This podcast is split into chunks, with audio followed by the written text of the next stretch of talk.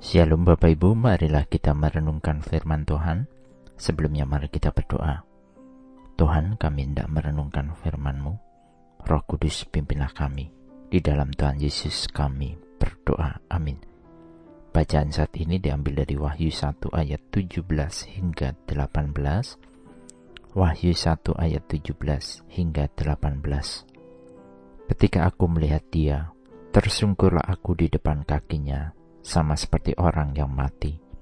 Tetapi ia meletakkan tangan kanannya di atasku, lalu berkata, "Jangan takut, aku adalah yang awal dan yang akhir dan yang hidup. Aku telah mati, namun lihatlah aku hidup sampai selama-lamanya, dan aku memegang segala kunci maut dan kerajaan maut." Sebagai orang percaya yang memiliki iman di dalam Kristus, kita telah diberitahu melalui Alkitabnya semua hal tentang rencana dan tujuan Allah bagi kita, tentang keselamatan dan kehidupan kekal. Semua itu diperoleh ketika kita memiliki iman di dalam Kristus. Melalui Alkitabnya kita mengetahui mengapa Allah berinkarnasi menjadi manusia dalam pribadi Kristus, rela mati di kayu salib untuk menebus segala salah dan dosa kita tidak saja apa yang sudah dilakukannya, karya dan teladannya, tetapi Allah terus berkarya hingga di masa yang akan datang untuk kita.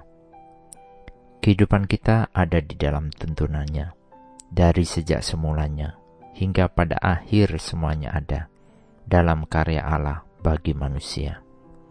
Hal ini dikatakannya seperti di dalam Injil Yohanes 10 ayat 10. Yesus berkata, Pencuri datang hanya untuk mencuri dan membunuh dan membinasakan.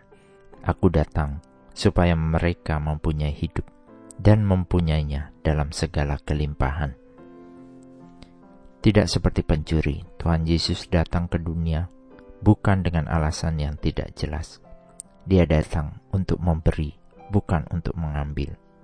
Dia datang sehingga manusia bisa memiliki hidup yang bermakna, memiliki tujuan, penuh sukacita, dan bersifat kekal di dalam Dia.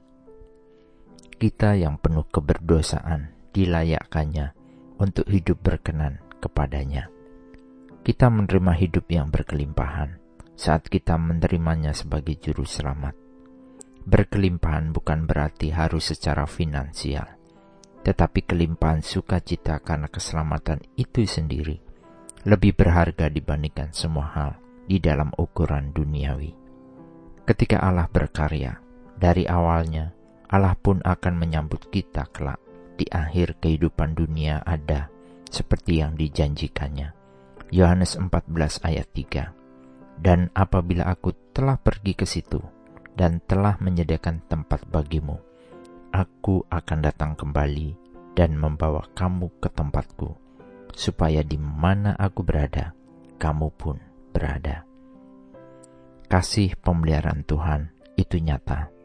Ketika kita berpegang pada pribadi yang benar, maka kita peroleh keselamatan karena kasih karunia-Nya.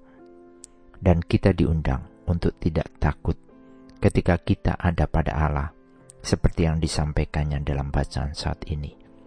Janganlah takut, aku adalah yang awal dan yang akhir dan yang hidup. Aku telah mati, namun lihatlah, aku hidup sampai selama-lamanya, dan aku memegang segala kunci maut dan kerajaan maut. Amin. Mari kita berdoa. Bapa Surgawi sungguh kami bersyukur dan bersuka cita ketika kasih karunia Tuhan dan iman di dalam Kristus ada dalam hidup kami. Ada janji kekal yang Tuhan beri bagi kami. Tidak saja karena penebusan Tuhan atas dosa kami, tetapi juga kehidupan kekal yang disediakan bagi kami.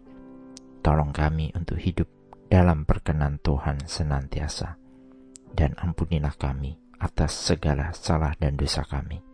Di dalam Tuhan Yesus, kami senantiasa berdoa dan memohon. Amin. Tuhan Yesus memberkati. Shalom.